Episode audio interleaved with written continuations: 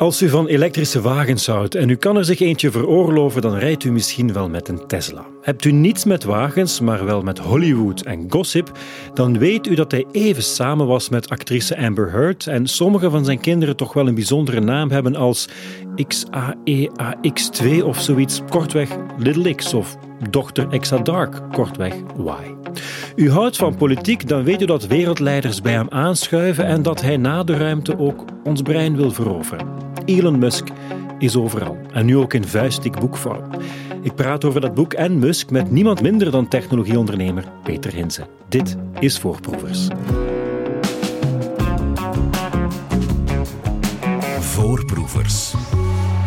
Dag Peter. Dag Tim. Men heeft tegenwoordig wel wat tijd nodig om Elon Musk te omschrijven. Is hij voor jou ook overal vandaag? Hij is absoluut overal. Ik denk dat het vandaag een beetje de meest spectaculaire ehm, ondernemer is in technologieland. Het is zeker een van de grootste innovators van de laatste jaren. Hij, neemt niet alleen elektrische wagens, hij neemt ruimtevaart, hij, hij, kijkt naar AI. Het, het, is een beetje in alle domeinen waar technologie en innovatie vandaag heel belangrijk is, dan is hij ergens aanwezig. En niet alleen aanwezig, maar bijzonder aanwezig. En hij is dan nog eens de rijkste man ter wereld. Dus je kan niet meer zonder Elon Musk. Uh, het is, uh, hij is alomtegenwoordig. Alomtegenwoordig. Eerst ook even over jou. Jij bent, of ik omschreef jou als technologieondernemer. Wat is dat? Wat doe jij? Oh, ik heb uh, in het verleden een, een aantal start-ups zelf mogen leiden. Dat was heel fijn. Vandaag investeer ik heel veel in technologiebedrijven. Dat, dat houdt mij jong en dat vind ik fantastisch, want er gebeurt heel veel in dat landschap. En voor de rest help ik heel veel bedrijven die een stukje technologie willen omarmen daar proberen iets beter van te worden. En daar, uh, daar kan ik heel veel plezier van uh, krijgen. En je mag dus ook boeken lezen over ja, technologieondernemer Elon Musk. 700 pagina's, denk ik.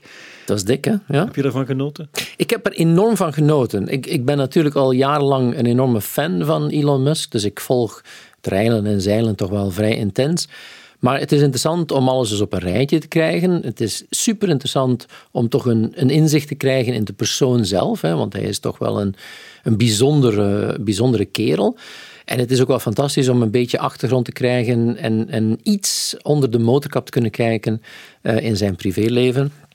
Het is alleen absurd, Tim, dat, dat heb je waarschijnlijk ook gezien. Eh, die man is 52, die gaat nog heel veel dingen doen. En om nu al een finale biografie te lezen, dat zal het niet geweest zijn. Het is eigenlijk maar waarschijnlijk het eerste deel. En er zullen nog heel veel delen volgen, denk ik. Een eerste deel in 700 pagina's, zo waar. Het, het boek is geschreven door Walter Isaacson. Wie is hij? Walter Isaacson is dus een, een, een, ja, een prof, uh, eigenlijk een historicus. Uh, hij uh, heeft heel lang ook bij Time Magazine gewerkt. Hij is iemand die eigenlijk een, soort van label opkrijgt als biografie-schrijver. Ik denk dat hij het meeste bekendheid gekregen heeft toen hij Steve Jobs de biografie geschreven heeft. En waar hij eigenlijk um, ja, een heel intens traject doet met zijn, ja, zijn personages, waar hij over schrijft. Hij gaat daar een, een echt ondergedompeld worden in hun leven. Dat heeft hij met Steve Jobs kunnen doen. En de laatste jaren van Steve Jobs zijn leven heel intens meegemaakt. En daar ook een, een hele mooie biografie van geschreven. En hetzelfde hier. Hè. Dus hij, hij leeft eigenlijk bijna jarenlang met Musk. Met al zijn, zijn grillen. Hè. En, en Isaacson beschrijft in het boek van ja, dat was niet zo makkelijk. Hè, want uh, Musk die is heel wispelturig. Hè. Je, je, je stapt op het vliegtuig, je ontmoet hem, je zit in een boardmeeting en ineens zegt hij: Nee, uh, we vliegen naar de lanceerbasis, kom maar mee. Hè. En zegt: Ja, ik had een valiesje mee en ik wist nooit waar ik die week zou landen. Maar ja, het moet wel fantastisch geweest zijn om zo'n zo'n close ja, zo'n intieme relatie met Musk te kunnen opbouwen. En vandaar dat hij daar ook een heel mooi boek over geschreven heeft. Ja, dat wil je natuurlijk hebben als schrijver, neem ik aan, dat je op de eerste rij mag zitten. Wordt het boek daardoor ook gekruid met, met anekdotes, waardoor je Musk ook beter leert kennen? Ook als fan misschien? Ja, absoluut. Hè. Dus ik denk, uh, het, het, het fascinerende is dat hij niet alleen beschrijft wat Musk allemaal gedaan heeft, en dat is spectaculair op zich, maar je krijgt ook een inzicht in de persoon. En, en daar zie je al vrij snel in het boek dat Musk een heel complexe persoonlijkheid heeft. Uh, dat haar af en toe, ze noemen dat uh, de demonen naar boven komen. Hij komt soms in wat uh, Isaacson noemt dark mode. En ja, dan is het niet de Musk die we kennen van zijn presentaties of de Musk die we kennen als hij een nieuw product lanceert. Maar de Musk die uh, ongelooflijk in een donkere bui zich hult, die ongelooflijk hard kan zijn ten opzichte van zijn medewerkers, waar hij ook af en toe met zichzelf geen raad weet. En dat is wel mooi. Ik denk dat je dat alleen maar kan doen door op die intense manier als Isaacson met zijn personages te, te, leven, want dan komen die dingen echt helemaal tot leven. Het begint eigenlijk al in Zuid-Afrika, waar hij geboren is. Veel mensen weten dat misschien niet. Dat, ja, hij woont nu en werkt in Amerika uiteraard, maar het begint in Pretoria. Ja, hij is um, een Zuid-Afrikaan uh, van geboorte. Heeft dan later in Canada gewoond, waar hij ook gestudeerd heeft. En dan later de Verenigde Staten. Hij heeft dus eigenlijk drie nationaliteiten. Maar van oorsprong komt hij uit Zuid-Afrika. En heeft een hele, hele zware jeugd gehad. Dat is uh, ja, waar, waar het boek uh, inderdaad mee begint. Wat logisch is natuurlijk met een biografie. Maar die jeugd, my god, hè, hij had een, een, een hele moeilijke relatie met zijn vader. Zijn vader is een verschrikkelijk persoon. Dat komt heel duidelijk naar voren. Isaacson verbloemt dat ook niet. Hè. In zijn biografie zegt ja, ik heb vaak met die man uh, gepraat, uh, heel lange discussies gehad, maar die man die is eigenlijk, ja, die is niet normaal. Hè. Dus die, uh, dat is een fantast. Dat is iemand die, hoe ouder hij wordt, nog meer eigenlijk in allerlei complottheorieën zich verhult. Maar op jonge leeftijd was hij ook bijzonder hard voor zijn kinderen. En ja, Musk uh, de relatie is nooit goed geweest, maar is dan alleen maar erger geworden. Maar zelfs op jonge leeftijd. Hè, hij wordt naar uh, allerlei kampen gestuurd, waar hij eigenlijk gewoon heel vaak ja, gewoon bont en blauw geslagen wordt. Hij moet opgroeien in Zuid-Afrika in een hele moeilijke omstandigheid. En hij leert eigenlijk gewoon om voor zichzelf ja, uh, op te komen door terug te vechten. Hè. In het begin van het boek gaat het over de veldschool, hè, waar ja, een soort van uh, ja, kamp, kan je het bijna noemen, hè, waar je dan naar toegestuurd wordt als jongeling. De eerste keer komt hij daar bont en blauw terug. En de tweede keer dat hij er naartoe gaat, leert hij van kijk, ik moet iemand zo hard mogelijk en zo snel mogelijk op zijn neus slaan. En als dat gebeurt, dan heb ik een grotere kans om te overleven. Dus het is echt een overlevingskamp. Uh, van, van de ergste soort. Ja, we kennen Musk als een inderdaad een harde ondernemer. Eh, je verwijst er zelf ook naar. Krijg je inzicht in het feit dat dat misschien te maken heeft met die vaderfiguur, ook de relatie met zijn vader, dat dat mee wordt gezogen naar vandaag? Ik denk die hardheid, die, die, ja, dat probeert Isaacson toch in het boek aan te tonen, dat dat vanuit de jeugd komt. En dat zeker die relatie met de vader een heel belangrijke rol heeft gespeeld. Later heeft, heeft Musk, en dat wordt in het boek heel mooi eh, beschreven, een aantal confrontaties um, met zijn medewerkers waar je, ja, daar kan je niet trots op zijn. Hè. Je gaat mensen soms echt totaal uh, onderuit halen, gaat ze afblaffen, gaat ze eigenlijk gewoon bijna vernederen. Hè. En, en ja, het is natuurlijk mooi voor Isaacson om dat ook te tonen dat hij dat zelf heeft meegemaakt in zijn jeugd. Hè. Vaak dat zijn vader hem helemaal vernederde voor allerlei anderen. Of dat nu de enige reden is, ja, dat is natuurlijk uh, voor, voor reden vatbaar. Maar het is absoluut waar dat als je kijkt naar Musk als, als bedrijfsleider, dat is niet de typische bedrijfsleider die we vandaag ophemelen. In, in het bedrijfsleven van vandaag, waar je zegt van kijk, je moet uh, met je mensen meedenken en je moet een van hun zijn. Musk is dat niet. Dat is de zeer autoritaire, zeer harde leider, eigenlijk een beetje de, ja, de CEO van vroeger. Maar op een niveau dat je denkt van, ja, hij heeft misschien wel gelijk, maar de manier waarop, ja, dat is toch wel questionable. Ja, want hij leidt heel wat bedrijven vandaag. Kan je ze eens opsommen? Maar hij leidt er veel te veel. Hè. Dat is uh, een duidelijk iets. Hè. Als je naar de historiek van, van Musk gaat kijken, dan heeft hij de eerste keer een bedrijfje opgericht met zijn broer. Uh, in, in ja, eind jaren negentig, uh, in de eerste internetgolf. Dat was een heel klein softwarebedrijfje, maar ik kan dat toch wel mooi verkopen. Hij verkoopte dan Compaq computers. Dat bedrijf uh, was een soort van gele gids, een soort van stadsgids. en, en in die periode waren er een heleboel internetbedrijfjes die dan overgekocht worden door de oudere spelers. Compaq koopt dat bedrijf, betaalt daar 300 miljoen voor in die tijd, wat heel veel geld was. En ja, de jonge Musk die krijgt dan ineens 10 miljoen dollar op zijn rekening. En in plaats van te zeggen van ik koop mij een huis en een boot, zegt hij nee, double down. En dat is eigenlijk de, de, de, de fil rouge eigenlijk van, van eh, Elon Musk. He doubles down. Wil zeggen? Met andere woorden, hij zet weer alles in. Hè? Uh, alles wat hij verdient, zet hij weer volledig op een nog groter risico eigenlijk in. hij, begint dan een nieuw bedrijf dat uiteindelijk PayPal wordt, dus de betalingsgigant. Uh, het, bedrijf noemt eerst X, en dat is ook de rode draad door uh, de namen die Elon dan gebruikt. Maar dat wordt dan heel snel toegevoegd met PayPal, samen van uh, het bedrijf van Pieter Thiel. Hij maakt dat groot samen met Pieter Thiel en dat, wordt bedrijf, dat bedrijf wordt dan verkocht aan eBay voor anderhalf miljard dollar. En daar, ja, ineens heeft hij 100 miljoen dollar op zijn rekening staan. Dus een typisch voorbeeld van de double down. Hij verdient met zijn eerste start-up 10 miljoen. Hij zet alles in en echt met een heel groot risico en ineens krijgt hij 100 miljoen. En op dat moment zou je kunnen zeggen van kijk, hij heeft dan al twee succesvolle bedrijven gestart. Ah, fantastisch, hè? begint dan andere dingen te doen. Nee, hij wordt dan geobsedeerd door echt de, de, de wereld die hij echt beter wil maken. En dan is eigenlijk zijn grote slag, dan begint hij SpaceX, het bedrijf die eigenlijk de hele ruimtevaart op zijn kop heeft gezet. Dat trouwens een heel mooi verhaal, eh, Tim. Hè? Hij, hij wordt geïnteresseerd van, ik zou heel graag een raket hebben. En dan gaat hij bij iedereen langs. En dan gaat hij bij de Europese ruimtevaartinstantie, ESA, langs. En hij zegt van, ik zou graag een raket kopen. En zei van, maar dat, dat gaat niet. Hè. Dat, dat is onmogelijk. Dan vliegt hij naar Rusland en dan begint hij te onderhandelen over de aankoop van een aantal Russische raketten. De Russen willen hem dat eigenlijk wel verkopen, maar die leggen hem gewoon ja, uh, leggen hem erop. Het wordt, hij wordt eigenlijk gewoon vernederd door de Russen. Hij wordt zo boos op die terugvlucht van Rusland naar de Verenigde Staten en zegt van, weet je wat, dan begin ik mijn eigen raketfabriek. En dat is SpaceX. Vandaag is SpaceX nog altijd een van de belangrijkste spelers, zo niet de belangrijkste spelers in de ruimtevaart vandaag de dag. Dat is ook het bedrijf waar hij de, de oprichter van is. Dat is het bedrijf waar hij ja, eigenlijk vandaag uh, het grootste deel van zijn tijd mee doorbrengt. En dat is ook een van de redenen waarom hij zo ongelooflijk rijk is vandaag. Een groot deel van zijn rijkdom is SpaceX. Maar dan hebben we Tesla. Ja. Tesla. Rij je met een Tesla? Ik rij niet met een Tesla, uh, maar uh, we hebben het plezier gehad om uh, Tesla een paar keer te bezoeken. Dat was fenomenaal om dat bedrijf te zien groeien. En Tesla heeft eigenlijk die wereld van ja, de, de automobielsector totaal op zijn kop gezet. Hè, totaal getransformeerd. Hij is ja, Tesla is bijna synoniem met elektrische wagens. Trouwens, Tesla heeft hij niet gestart. Hij is daar eigenlijk heel snel ingestapt als investeerder. Maar dan heel snel zie je dat hij zich dat eigenlijk gewoon helemaal eigen maakt.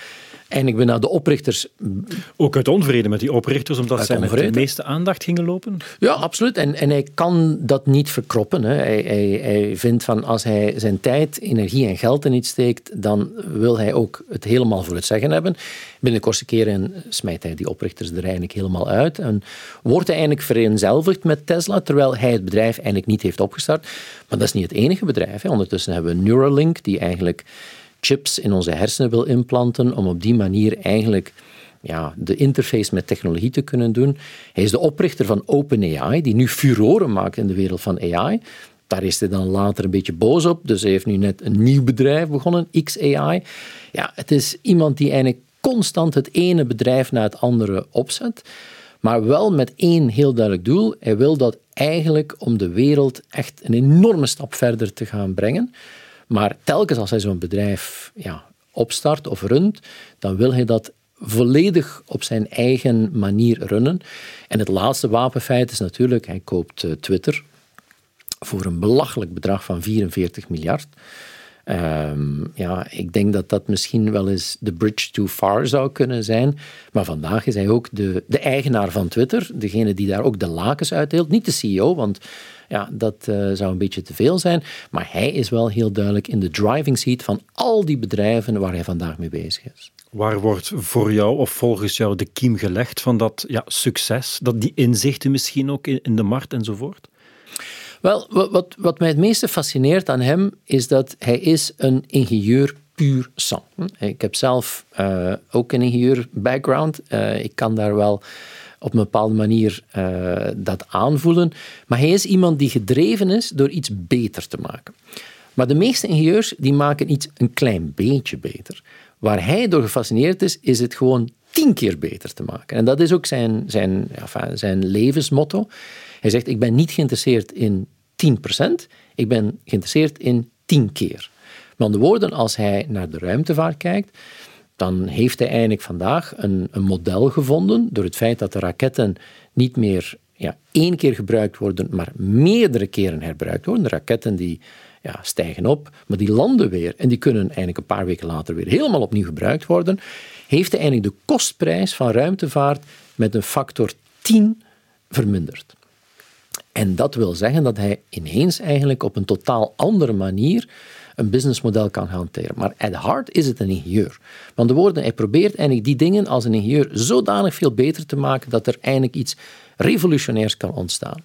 En dat ingenieurshart, dat zie je eigenlijk van in het begin al zitten. Maar het mooiste is eigenlijk bij SpaceX, bij de ruimtevaart. Um, er wordt in het boek een prachtige passage beschreven waar hij zegt van kijk, hoeveel kost één uh, motor van een raket? Ah, dat kost 2 miljoen dollar. En dan beschrijven ze een meeting die eigenlijk meer dan een dag duurt, waar hij zegt, kijk jongens, we gaan hier niet buiten voordat we die prijs van 2 miljoen naar 200.000 hebben gebracht. En al die ingenieurs zeggen, maar dat kan niet, dat is onmogelijk. Nee, en hij gaat er systematisch, hebben we dat echt nodig? Hebben we dat echt nodig? Hij gooit er eigenlijk alles uit wat volgens hem overbodig is. Hij reduceert het inderdaad naar 200.000. Ze testen het, het werkt niet. Maar dan doen ze er nog een klein beetje bij. En dan werkt het wel. En dan zie je, hij gaat telkens tot, tot het gaatje en er net over. En dan gaat hij er weer een klein beetje bij steken tot het net weer werkt. En dat heeft hij altijd gedaan. Dat heeft hij met auto's gedaan. Dat heeft hij met raketten gedaan. Dat doet hij met AI. Probeert het nu ook met Twitter te doen, maar dat is iets moeilijker. Maar at the heart, de kiem, is dat het een ingenieur is puur sang, maar geen incrementele ingenieur, maar een ingenieur die echt droomt van iets tien keer beter te maken. Ja, maar als we dan naar vandaag kijken, dan kan je daar inderdaad bewondering voor hebben, er net over gaan, maar het is ook een figuur die heel veel controverse uitlokt. Hij heeft ook, als we kijken naar bijvoorbeeld het conflict tussen Oekraïne en Rusland, heeft hij een beslissing genomen door op een gegeven moment het satellietnetwerk dat hij ook heeft, offline te halen, waardoor er een droneaanval niet kon doorgaan. Kan je dat eens uitleggen? Ja, dus een van de dingen die hij uh, gedaan heeft, en, en, dat is denk ik uh, het meest, misschien zelfs het meest op lange termijn spectaculaire, is dat hij niet alleen met SpaceX die raketten de ruimte ingestuurd heeft, maar hij heeft ook een systeem ontwikkeld om via satellieten in de ruimte eigenlijk overal internetconnectiviteit mogelijk te maken, Starlink. En dat was een, een beetje een raar idee een paar jaar geleden, maar Ondertussen heeft hij letterlijk duizenden satellieten de, ja, de, de, in een orbit om de, om de aarde gestuurd. En daardoor kan je eigenlijk op elke locatie ter wereld nu internet gebruiken via zijn satellieten, zonder dat je daar nog een normale telefoonlijn of een landlijn voor nodig hebt. Dus hij heeft eigenlijk een systeem waar we geen telenets of Proximus meer nodig hebben. Hij heeft dat kunnen doen doordat SpaceX eigenlijk zo goedkoop was en dat hij daar met ja, gemak eigenlijk al die duizenden satellieten op een goedkope manier de ruimte kon inkrijgen. En je kan zeggen, ja, dat hebben wij hier in ons landje niet nodig, want we hebben overal wel een coaxkabel of een telefoonlijn die, die ergens boven gaat. Maar als je ergens in de wildernis zit of ergens in remote, dan is dat een hele goede oplossing. Als je kijkt naar het conflict in uh, de Oekraïne, ja, op een gegeven moment heeft Rusland bijna alle satellieten die eigenlijk de Oekraïne voorzagen van internet gewoon gedisabled. En heel snel was de enige manier waarop het Oekraïense leger nog kon blijven functioneren, met allerlei communicatie, was het gebruik maken van Starlink. Dus Elon Musk heeft daar een bijzonder strategisch wapen in handen. En in het begin heeft hij daar eigenlijk gewoon Starlink bijna gratis gegeven aan de troepen in Oekraïne. Omdat hij zei van kijk, ik vind hè, dat land wordt aangevallen, ik ga die massaal helpen. En daar heeft hem heel veel support gegeven, hè, want ja, Oekraïne vond hem helemaal fantastisch. Maar toen op een gegeven moment de Russen eigenlijk uh, een aanval zouden krijgen op hun, uh, op, hun, op hun schepen door submarines van de Oekraïne, die gebruik maken van de internetconnectiviteit van Elon Musk, heeft hij dat eigenlijk gewoon afgezet. En daar heeft hij eigenlijk gewoon ja, een beetje geopolitieke rechter gespeeld om te zeggen van nee, kijk, ehm, als we de Oekraïners kunnen helpen om hun land te verdedigen, dan ga ik dat doen. Maar als ze dat gebruiken om de Russische schepen aan te vallen, dan wil ik dat niet. En dan kom je natuurlijk op het punt waar één man eigenlijk gewoon zelf beslist op welke manier dat zo'n geopolitiek ja, gigantisch conflict eigenlijk gespeeld wordt. Omdat hij angst had voor, zij denk ik, een, een nucleaire oorlog. Ja, hij is, hij is ervan overtuigd dat er een enorm grote kans is dat wij als mensheid ons naar de verdoemenis helpen. En hij zag dit als een van de pistes waar we een nucleaire oorlog zouden kunnen krijgen. Nu, los daarvan, Tim, is de vraag natuurlijk van ja, het feit dat één man kan beslissen of een raketaanval op de Russische vloot doorgaat of niet, is pretty scary. Hè? En we hebben vandaag natuurlijk allerlei constructies, allerlei ja, de, United Nations die over dat soort dingen gaan beslissen. Maar uiteindelijk is het nu één technoloog die zegt ja of nee, aan of niet. En dat is pretty scary. Nu, het is inderdaad een heel mooi voorbeeld wat je aanhaalt. Hij is ervan overtuigd dat de mensheid eigenlijk niet goed bezig is. Dat is een, iets wat heel mooi in het boek naar voren komt. En dat is ook een van de redenen bijvoorbeeld waarom hij met SpaceX zo ongelooflijk um, ja, bijna Ehm, ja, hij is, hij is bijna maniacaal bezig om dat zo snel mogelijk te kunnen gebeuren. Want hij is ervan overtuigd dat er een grote kans is dat wij als mensheid eindelijk elkaar gaan vernietigen.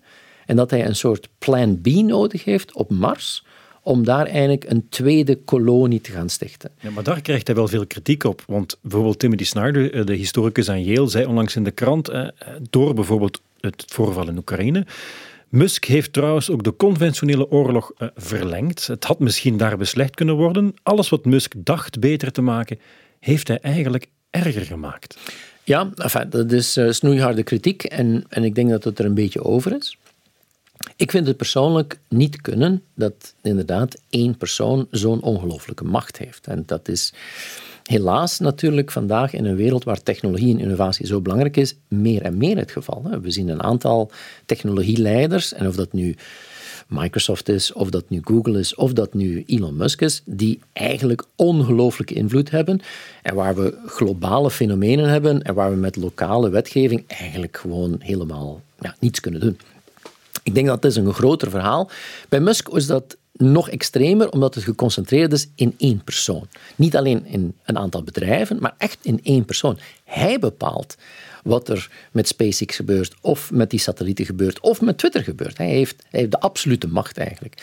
En daar zien we misschien die concentratie in, in één persoon als iets wat eigenlijk gewoon vandaag niet meer zou kunnen. Is dat angstaanjagend? Want we hebben vaak gekeken naar Mark Zuckerberg van Facebook, waarvan we dachten die heeft toch wel veel macht en heeft dat misschien ook ergens wel. Maar dan staat er inderdaad een figuur als Elon Musk op die toch nog wel wat veel meer macht heeft. Die zegt het zelf, indruk op de knoppen valt dan niet en je kan al dan niet een oorlog beslechten. Ja, en ik denk als je kijkt naar, naar Facebook, uh, Meta, Zuckerberg, ja, die hebben inderdaad een, een enorme rol te spelen in het beïnvloeden van. En je kent dat uh, zeer goed, hè? ik bedoel, social media kan daar een enorme uh, ja, verandering geven in het maatschappelijke ja, gedrag.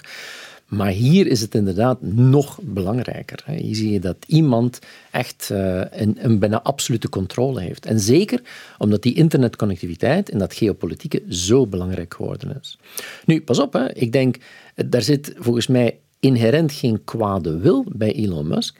Hij is er echt van overtuigd van, er is een grote kans dat wij als mensheid het niet gaan halen. Hij, hij noemt de mensheid een, een, ja, een, een een vlammetje. Hè? En, en zegt hij, kijk, als je naar het universum kijkt, dan zijn er gigantisch veel uh, melkwegstelsels. En wij hebben nu per ongeluk in de laatste paar honderdduizend jaar leven kunnen creëren, intelligent leven, maar dat is zo'n zwak vlammetje. En dan zijn we nog een keer ongelooflijk bezig om dat eigenlijk uit te doven door elkaar eigenlijk uit te moorden. En zegt hij, we moeten er alles aan doen om dat kleine vlammetje eigenlijk te kunnen aanwakkeren. En dus is hij bezig met plan B, onder meer te, kijken naar Mars. Ja, maakt Twitter ook uit, deel uit van dat plan B? Want als je daar naar kijkt, wat daar vandaag op dat platform gebeurt, ja, als we de mensheid naar de verdoemenis aan het helpen zijn, dan helpt Twitter op dit moment niet om het goed te maken, denk ik, dan onder leiding van Elon Musk. Want als je kijkt naar het voorbije jaar, veel ontslagen, veel desinformatie, weer meer, veel meer haatspraak dan vroeger. A bridge too far, zoals jij zei? Ik denk het wel, omdat ik denk voor alle andere dingen kan je eigenlijk zeggen van het is niet makkelijk geweest, heeft het op een bijna controversiële manier moeten doen, maar het heeft wel resultaat. En inderdaad, plan B, dat komt heel vaak in zijn, in zijn woorden terug. Uh, we zijn een paar keer op bezoek geweest bij SpaceX en je merkt dat ook. Uh, op het moment dat je binnenkomt, uh, dit eerste deurmatje dat je je voeten aanveegt, daar staat Occupy Mars. Hè? Uh, elke koffiemug, dat is Occupy Mars. Is van overtuigd, we moeten een plan B hebben. En dan zie je dat ja, hij was sowieso een grote Twitter-gebruiker. Elon was, was gewoon, hij vond Twitter een fantastisch iets. Trouwens, ook controversieel, hè, want op een gegeven moment zei hij van, goh, Tesla, ik ga dat gewoon van de beurs halen en ik heb de funding al rond. Hij stuurt gewoon een tweet uit, hè, dus heeft daar uiteindelijk ook een hele zware boete voor gekregen. Hij was een grote fan van Twitter. En dan vond hij dat Twitter eigenlijk gewoon niet goed meer draait. En dan had hij allerlei suggesties om dat beter te maken. Wat er toen gebeurde is eigenlijk een hallucinant verhaal, want hij koopt Twitter. Uh, met een beetje een, een rollercoaster ride. Maar uiteindelijk zegt hij: Oké, het is goed, ik geef daar 44 miljard voor. Veel te veel. Veel te veel geld betaald. Maar ja, het was misschien een soort euforie. Hij was net de rijkste man ter wereld geworden. Hij had toen 10 miljard op zijn bankrekening, waar hij eigenlijk zegt van, goh, ik weet eigenlijk niet wat ik ermee moet doen, maar weet wat, dat is misschien een interessante investering. Hij koopt Twitter en op dat moment realiseert hij van, dat bedrijf draait niet goed. En, en ik moet eerlijk zeggen, ik ben daar in het verleden een paar keer op bezoek geweest. Dat was een heel luxueus leventje. Je zag daar heel veel mensen fantastische cappuccino's uit de koffiemachine halen, maar hard werken zag je daar niet. En dan heeft hij eigenlijk op een paar weken tijd 75% van al het personeel gewoon klakkeloos buiten gesmeten. En dan is hij op zijn maniacale Musk-manier ingesprongen, zoals hij altijd gedaan heeft. Namelijk, we gaan daar 90% van de kosten uithalen en we zien dan wel wat er overblijft. Maar dat werkt misschien als je een wagen bouwt of als je een raket bouwt, maar iets als Twitter, wat toch een heel apart iets is, wat misschien veel meer over inhoud gaat dan over technologie, veel meer over content dan puur over het programmeren, ja, dan zag je dat hij met zijn engineering mentaliteit enorme problemen creëerde. Um, en vandaag zie je inderdaad, Twitter is een, een, een zinkend schip. Hè. Uh, je ziet dat de adverteerders afhaken omdat het eigenlijk een soort van smerige pool geworden is waar eigenlijk uh, ja, de, de manier waarop we met elkaar omgaan en communiceren alleen maar erger geworden is. Waar er een aantal uh, incidenten gebeurd zijn, waar een aantal adverteerders zijn, daar willen wij helemaal niets meer mee te maken hebben. En waar je ziet dat ja, het is uh, op dit moment, en dat is ook het rare van het boek, het eindigt van we weten niet wat er met Twitter gaat gebeuren. Ah, dat is vandaag nog uh, to be seen. Hè. heeft daar een nieuwe CEO aangesteld die het nu moet redden.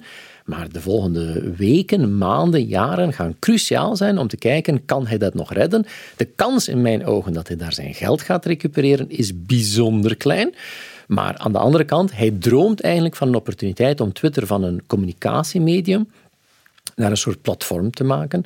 X.com, dat dan meegaat langer dan vandaag, die naam toch? Ja, hij is daar al jaren van aan het dromen, maar waar hij niet alleen informatie of nieuws op wil plaatsen, maar ook betalingsverkeer en waar hij eigenlijk op een manier een soort van super-app wil bouwen om alles bij elkaar te brengen. Maar op dit moment staat hij daar nog zeer ver vanaf. En ja, is het een zinkend schip, zeg jij? Ik denk op dit moment uh, zou ik er eigenlijk niet mijn geld in steken. Dat is waar ik misschien uh, mijn conclusie is. Aan de andere kant, het heeft natuurlijk wel nog altijd een visibiliteit. Het heeft nog altijd een aantal gebruikers. Maar ik merk het gewoon zelf als ik kijk. Ja, tien jaar geleden was Twitter voor mij persoonlijk superbelangrijk, omdat als ik een boodschap wilde uitbrengen en je probeerde daar volgers te krijgen, was dat het platform. Maar vandaag de dag, Tim, als ik iets op Twitter zet, ja, dan zijn er nog een paar mensen die daarop reageren. Maar eerlijk gezegd, het heeft niet meer dat elan van vroeger. En, en in die zin, ondertussen zijn er andere platformen. Ik kijk naar professioneel en LinkedIn, wordt veel belangrijker geworden. En daar denk ik, heeft hij toch wel ja, geïnvesteerd in een, in een schip dat al aan het zinken was. Maar heeft er nog een paar extra gaten in geschoten. Dan lijkt die visionaire ondernemer toch plots ver weg. Neemt niet weg natuurlijk dat er al die andere bedrijven nog zijn. Als je nu moet terugblikken op dit boek, op Musk zelf, je zei aan het begin, ik ben fan. Ben je nog fan? Ben je meer fan na het boek? Ik ben, ik ben nog altijd een enorme fan, omdat ik vind wat hij doet en zijn gedrevenheid, ja, ik ben blij dat we dat soort mensen hebben. Want als we inderdaad alleen maar mensen hebben die een klein beetje verandering aanbrengen, ja, dan gaat het gewoon veel te traag. En hij heeft dingen gedaan, of het nu bij auto's is of bij ruimtevaart, die volgens mij de mensheid echt een enorme sprong voorwaarts hebben gebracht. En in die zin zit hij in de categorie van. Kijk naar een Edison van vroeger bijvoorbeeld, of, of zelfs een Henry Ford. Dat zijn mensen die echt ook een enorme stap konden zetten. En die gedrevenheid kan ik enorm appreciëren. Ik heb door het boek misschien alleen nog maar meer medelijden met hem gekregen. Want als je kijkt naar zijn persoonlijke situatie, de complexiteit in zijn liefdesleven, de complexiteit met zijn kinderen, dan denk je van, my god, die man heeft gewoon geen rust. Die heeft geen rust. Hij heeft één, geen rust, omdat hij gewoon al die bedrijven tegelijkertijd moet runnen. En wat een enorme opgave is. Toen mij altijd denken, toen ik jong was, had je in elke circus act wel zo'n act waren er een heleboel uh, staven waren en dat er dan uh, ja, uh, taloren waren. Bordjes omhoog Bordjes die moesten... Iets wat men niet kan als mens. Men niet kan. En, en hij moet heel veel bordjes in de lucht houden. Hè. Dat was eigenlijk fascinerend. En dat, dat is een van de redenen waarom hij inderdaad op zo'n ongelooflijke manier onder druk staat. Maar dan maakt het in zijn persoonlijk leven nog eens extra makkelijk, uh, moeilijk. Hè? Hij heeft tien kinderen. Uh, hij heeft uh, talloze relaties die vaak enorm toxisch zijn. En dat je denkt van, my god, die man heeft nooit rust. Dus ik heb nog meer respect, maar ook meer medelijden gekregen met de man. En dat is...